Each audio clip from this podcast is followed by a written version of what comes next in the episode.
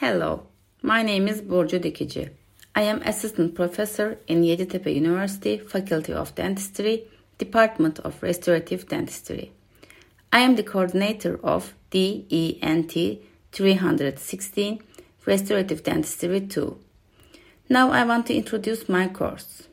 The language of this course is English. This course continues for two semesters, fifth and sixth semester in the third grade.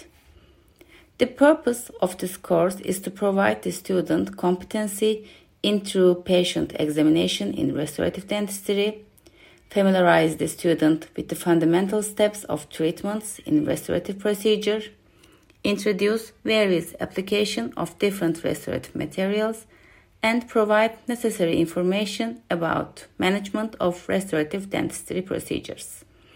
It also aims to educate students comprehensively about different restorative procedures to be used in preclinic and student clinics. The content of this course includes different restorative materials, basic information of adhesive dentistry, application of restorative procedure, basic information about management of dental hypersensitivity, tooth wear, light curing devices, finishing and polishing procedure, and dental anomalies and their treatments in restorative dentistry. During the fifth semester, didactic courses are given parallel with the preclinical training.